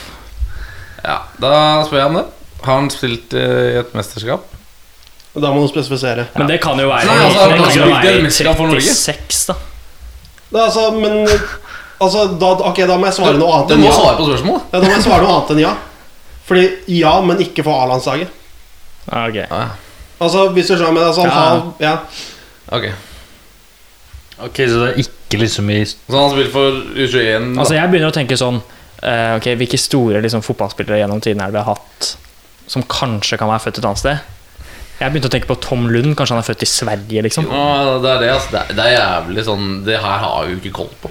Må bare begynne å Finn posisjonen, da. Ja, for jeg begynner å tenke sånn ja, ja, for, Så vi kan begynne å Ja, det er kanskje Hvis det er så irriterende at han er født i Sverige, Danmark eller England, Ja, så er men det sånn eh, ta, gå, for, gå for ledd først. eh, Ja, er han forsvarsspiller? ja. Da er det ikke Tom Lund, i hvert Å fall. nei. Så er det er forsvarsspiller. ikke keeper, det er en fordel. Forsvarsspiller, hvem er det vi har da? Eh, Det er mange, det. som, men Som ikke har spilt i de store ligaene. ja, som ikke har spilt i Storeligaen, men spilt i Eliteserien. Skal vi prøve å finne lag i eh, Og spilt på. Eliteserien, da? Eller i Norsk Tipping? Eller er det Jo, men det kan jo ikke Nei, på det, Hvis det er men der Vi må, vi må finne ut tiår, da. For ellers er det umulig å gjette om man, om man Ok, men altså, Hvis Ja, men- dere ikke kommer noe nærmere innen spørsmål 15, så skal dere få et hint av meg. Nå er dere på spørsmål 12. Ja, Bare prøv. Finn, prøv klubb. Har han spilt i Rosenborg? Nei. Faen. Har han spilt i Vålerenga? Ja. Forsvarsspillere Vålerenga. Ikke spilt i de store ligaene. Er det, kan det være Panser, eller? Han kanskje Han har vel Han spilt, virker litt han har sånn spilt russisk, mesterskap, han ikke det? Han er jo ikke det, jeg vet ikke. For A-landslaget. Ja, Var ikke han med på Ja, eller han eller, eller kom han etterpå, kanskje? Han har ikke spilt mesterskap, tror jeg, da, på. A-landslaget. Ja, er ikke han født i Norge? Hvor kan han være født, Da var Ja, men det dere ikke vet. Jeg Jeg prøver å si på ting. at han har ikke spilt mesterskap for A-landslaget. Nei, Han jeg sa det. Ja, Jeg sa det. ja. Han har ikke spilt mesterskap for A-landslaget. Var det jeg? Han kan ha spilt for Han U21. kan ha spilt for U21. Ja, ja. Og, eh, I så fall så er det jo i så, Men da må vi spørre noe mer, da. Hvis det- hvis det er så lenge siden, så må du vi, vi, har, vi har klubb. Vi har Jo, men det eneste Spør om han, eh, spør om han er skalla, da. Eh, om han skalla? Skalla? Å, ja, ja. For da er det jo han. Er han skalla? Jeg vet ikke nå, men han var ikke det da. hvert. Men vi er nødt til å fylle hvilken tidsepoke. da er vi er. på spørsmål 15. Ja, vi må, vi må nesten Dere tenker altfor stort. Det er alt jeg har å si. Vi vi må finne ut da Altså Hvis han har spilt U21-mesterskap, så er det enten i 98 eller så er det da i 2000. Når, når eh, Ja, 25 Ja, vi må, finne, ut- vi må finne ut hvilken av de to Det lagene. det er. Hei, kan det være Freddy? Ja, faen, han er Han jo virker født eksotisk. Jo, men altså, han er ikke Han tenker visst ikke Freddy er fra forsvarsspiller. Kapp Verde. Ja, ja. Har sett ikke Jo, men han kan forsvarsspiller? være flere Ja, han er jo steder. Han er jo ganske Han, han, blir, fort, han blir fort tann, i hvert fall. Kapp Verde er ikke kan Norge. Nei, ja, selvfølgelig. Men skal vi prøve det? Eller? Så kan vi utelukke. Ja, spør, da. Det er ikke min tur. Men Du kan jo spørre, du. Er det Freddy Dos Santos? Nei. Faen meg. Og da var det 18 spørsmål? Nei, nå er det på 16. 16. Eh, Ok, vi men vi må eh, Det er jævlig dårlig. Det- Han er vi fra Kapp tenker- Verde, og så er det ikke Freddy. Vi tenker for stort. Okay. Ja, men vi må, vi, sagt, vi må finne ut hvilket lag det er. Sp, sp, Nei, vi vet jo hvilket lag det var. Ja, men Vi må finne ut om det er 98-laget, eller om det er det nye laget. For så, Hvis vi begynner å tenke for langt tilbake Han har ikke spilt i et mesterskap. Nei, men han har spilt U21-mesterskap spilt han spille. U21, han sier ikke for A-laget. ja, ja. Spilte han i Spilte han, uh... Spilte han i det siste U21-mesterskapet som uh, Norge var med i, i 20 Det var vel Israel, tror jeg. I 20 Kan være 13, da? Skulle du som trener her? Da var de spilte mot eh, Spania og sånn. Det der fantastiske U21-landslaget Til som spilte mot, Spa, Ja. spilte mot Spania og Isco pissa og sånn. Ja, var ikke det 20 Det er er det, så, er det så lenge siden? Det må være 13. For, de- for at, Ja, var det ikke 13 da? Det må være 13, jo. For hadde de gjort det i 15, så hadde de kvalifisert seg til OL. For da hadde vi jo Det var jo eh, Fredrik Spilte han, Gulbrandsen Jeg tror det var spilte, 15, ass. spilte han på U21 i 2013? Nei, nei, det gjorde han ikke. Her må være lenger tilbake. Det er ikke nyere spillere. Det kan det ikke være. Kan Ok, ikke Vi tenker for stort. Det er en forsvarsspiller. Vålerenga. Jeg kan gi dere ett hint til, da. Han har kun én A-lagskamp.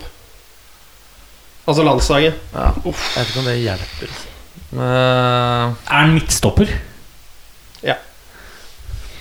Han har spilt back òg, men det er vel midtstopperen han er mest kjent for. Ok, Vålerenga skal vi tenke høyt her, da. mange- vi har et spørsmål eller? To? To, nei, tre. Du, er ikke Tollos Nation? Hvor skal han være født? Han, har jo lagt, han er jo aktiv. Er han, jeg visste ikke Han er han var aktiv. aktiv. Ja, Hæ, han er du aktiv. visste ikke at Tollos Nation var aktiv? Jo, han er aktiv. Det er det, da, da kan ikke du være med i podcasten her, faktisk. Jeg satt på og tenkte høyt, Okay, skal vi se. Tollos Nation tenkte du på. Jeg tenker liksom for han kunne vært født liksom i statene. Jeg tenkte Tom Henning Hovim, han var ikke forsvarsspiller. Var han det? Hvis jeg sier det nå. Han var, Han han var ikke ikke midtstopper, i hvert fall. Han Nei, var ikke ikke- Nei, han er midtstopper, sant det. Um, Å, jeg tror jeg vet den der. Sjøl, da. Nevn det Skal jeg høyt. prøve? Ja, men kan du Er ikke det, bare nevne det på er det? Aminori? Nei. Han kunne han er det, ikke altså. midtstopper. To spørsmål. Nei, det er vekk. Nå, nei. Jeg må dobbeltsjekke at han er midtstopper, så han er ikke sykere ut. Men jeg er ganske sikker på det. Men han er jo sikkert en klassisk Hvis han ikke tenker stort, så er han sikkert en klassisk Vålerenga-gutt. Han bare tenker at å, selvfølgelig er det han. Ja. Men midtstopper Han har Altså, det ikke står spilt i de store Spilt én landskamp. Aminori er jo fortsatt aktiv. Du, hvem er, er Var det noen Vålerenga-spillere på, på dette nødlandslaget? Uh, Men han er, Nei. han Nei, er faen, fortsatt ikke aktiv! Nei, faen, han var Oh ikke aktiv. Unnskyld. Uh, Nei, det står helt stille. rekordlang episode, men Bare eh, spør om et eller annet. Jeg, så, så, jeg, Så vi kan tape snart. For meg så står det stille, da. Altså, han er Men hva skal vi, hva skal vi spørre om? Det er det som er problemet. Bare Er, er er han født etter 1980? Nei, ikke spør om det. Da har han spurt, da. Ikke spør om det. Vil dere viske ut det spørsmålet? Nei, Ja, du, det er ikke noe hviske spørsmål. Jo, det, dere får muligheten her, for det spørsmålet er så dumt. Vi kommer til å Han er jo tape ikke uansett. født, han er jo ikke født før 1980. Vi bare, vi bare taper. Ok, han er født før 1980. Faen. Jeg måtte Det er ett spørsmål igjen, og dere skal få et kjempehint her. Nei, jeg vil ikke ha det. Før 1980. Det er ett spørsmål. Midtstopper, Vålerenga. Det er noen som sier meg at han er trener nå. Men da må jo du som Vålerenga-mann Hvem Ja, jeg, jeg midtstoppere før 1980 som Ja, ikke er det- født i Norge? Jeg skal si at det er ikke så sterkt på det som holdt på på 1970-tallet på Vålerenga. Altså. Altså, han spilte jo ikke på 1970-tallet. Nei, født, født selvfølgelig. Han spilte på 90-tallet, da. Så han er tydeligvis Vålerenga-legende, tydeligvis. Han må jo være På ingen måte. Oh, ja. Jeg ikke tviler på det, altså, for det er sånn Altså, Vet alle hvem det er? Ja, han er kjent for to ting. Da blir det for lett sikkert hvis du sier det, men si det. Ikke navnet, men si hva han er kjent for. Si en av tingene, da. Han er kjent for å drive i utelivsbransjen etter å ha lagt opp. Han har tidenes Å, ja, mest legendeutsted. det må, Hæ? Å, ja, men er det da Solli? Nei. Han er jo Han, han har spilt i Ja, det er ikke Agnar Solli. Ja, ja, Han spilte i Vålinga og hvis, Ja, men jeg ikke spilt- spilt- han har ikke spilt Rosenborg. Han hadde ikke gjort det. Men Utelivsbransjen. Fotballspiller. Utelivsbransjen. Fø- Født Hæ? Navnet burde vært Heidi, da. Nei, da. skal vi gi opp? Nei, vi skal ikke Da må gi du opp. stille det siste spørsmålet. fordi Ja, ja. det er snart er det over. Utelivsbransjen. Én landskamp. Legende i utelivsbransjen. Ja, Det er sjukt å melde. Men nå, men nå, vet jeg, nå vet jeg jo ikke Er han sånn som er, er, Betyr det at han eier masse puber, eller at han bare har vært festkonge? Det er Det liksom sånn eh, hadde du et hint til, hadde du ikke det? Jo, vil dere ha et hint til? Ja, vi må jo Nei, nesten men det, det. det er for svært å Nei, det er Men jeg, bare- jeg kan si det at han har, han har eid et utested hvor han har gjort opp navnet sitt til engelsk. Og hvis jeg ikke tar den nå, så er jeg bare glemme. Uten navnet sitt engelsk? Utesteder. Eh, Men det, det utestedet fins i dag Vi har ikke Nei, utestedet er lagt ned. Ja, Eh, Vi må ha et fornavn eller noe sånt på å si det kunne vært Lorry, men faen det er jeg kan ikke si fornavnet, Fordi Men, det er eh, kun hva? Nei, nei, du må gi oss et hint Vi kan uten ikke- å si fornavnet. fornavn. Nei, men det blir for Vi har tapt, men jeg vil ikke Ja. bare at han skal si det. Jo. Nei, det er dritkjedelig. Si Nei, ikke si det. Jeg, jeg Ikke si det. Si det. Nei, Si det nå. Ett siste hint. Et siste hint som ikke blir altfor stort, men ikke liksom utelivsbransjen. Han har et vietnamesisk navn. Nei. Jeg er fortsatt ikke der. Pong, pong, Jeg tenkte ching, Pablo chong. Bare det si ikke. si det. Jeg orker ikke mer. Ja, si det, da. Si det nå. Hainok Tran. Sharktown. Oh my God. Ja. Jeg har hørt navnet, jeg har ikke noe forhold til han i det hele tatt. Ja, altså, Mannen med flest Flest U... U21-kamper, det. Riktig. Han er en som har flest U-kamper for Norge gjennom historien. Ja, pass. aldri i livet Ja, jeg vi- har gitt meg Nei. tusen spørsmål. Vi må kjemperaskt videre. Syk spiller å gå for. Eh, Oh my god. Ola, hva har du funnet eh, av gull til oss denne uka her i tippelappen? Nei, jeg har jo valgt å gå for alpint, med tanke på at det er Så går jeg rett og slett for Bråten, jeg. På, men jeg tror ikke han noe gikk det først. Men jeg tror ikke Hæ? Han gikk Du tar først runden som var, ikke sant? Oh, ja, faen, Kort det om først, runden som var. Eh, Det gikk eh, ganske dårlig. Fordi, rett og slett fordi han jeg gikk for på Bare si om det er null poeng, Ja, så vi kan gå videre. Null poeng, null poeng på meg. Jeg fikk også null poeng. Null poeng meg, altså. Ok, der, der er vi likt. Alle slår null. Svakt. Nydelig. Nå kan du fortelle, Ola. Eh, ja, Jeg går for Lukas Bråten i alpint, men jeg går ikke for lørdagsrennet, jeg går for søndagsrennet. Søndagsrennet, ja. Og eh, så går jeg for rett og slett at det blir uavgjort mellom eh, PSG og United. Ja. Til Vil du ha oddsen nå, eller? Eh, jeg tipper den ligger på 3,20. 365. Jeg har også kjørt alpin med et av lørdagsrennene. Og jeg kjører på med Atle. Jeg tror han kan overraske litt. Du skal Men- bare ta det der 500-oddseren. Jeg hater det. Atle Lee McGrath der. Ja. Eh, og så har jeg tatt borteseier på United mot Westham med 2-10 odds. Jeg har faktisk samme spill med United. Var du Eh, av Westham, eller? Jeg har, nei, jeg har United borte. Ah. eh, til 2-10. Eh, og så har jeg Sturla Legreid at han skal vinne sprinten på fredag. Står til 81 i odds. Og ja, trenger ikke å si så mye om det. Han kommer mest sannsynlig ikke til å vinne, men uh, ja, altfor høye odds, da. Jeg går for, uh, uh, som jeg tidligere nevnte, Bayern München-seier borte mot uh, Atletico til 3,70 odds. Det er jo strålende.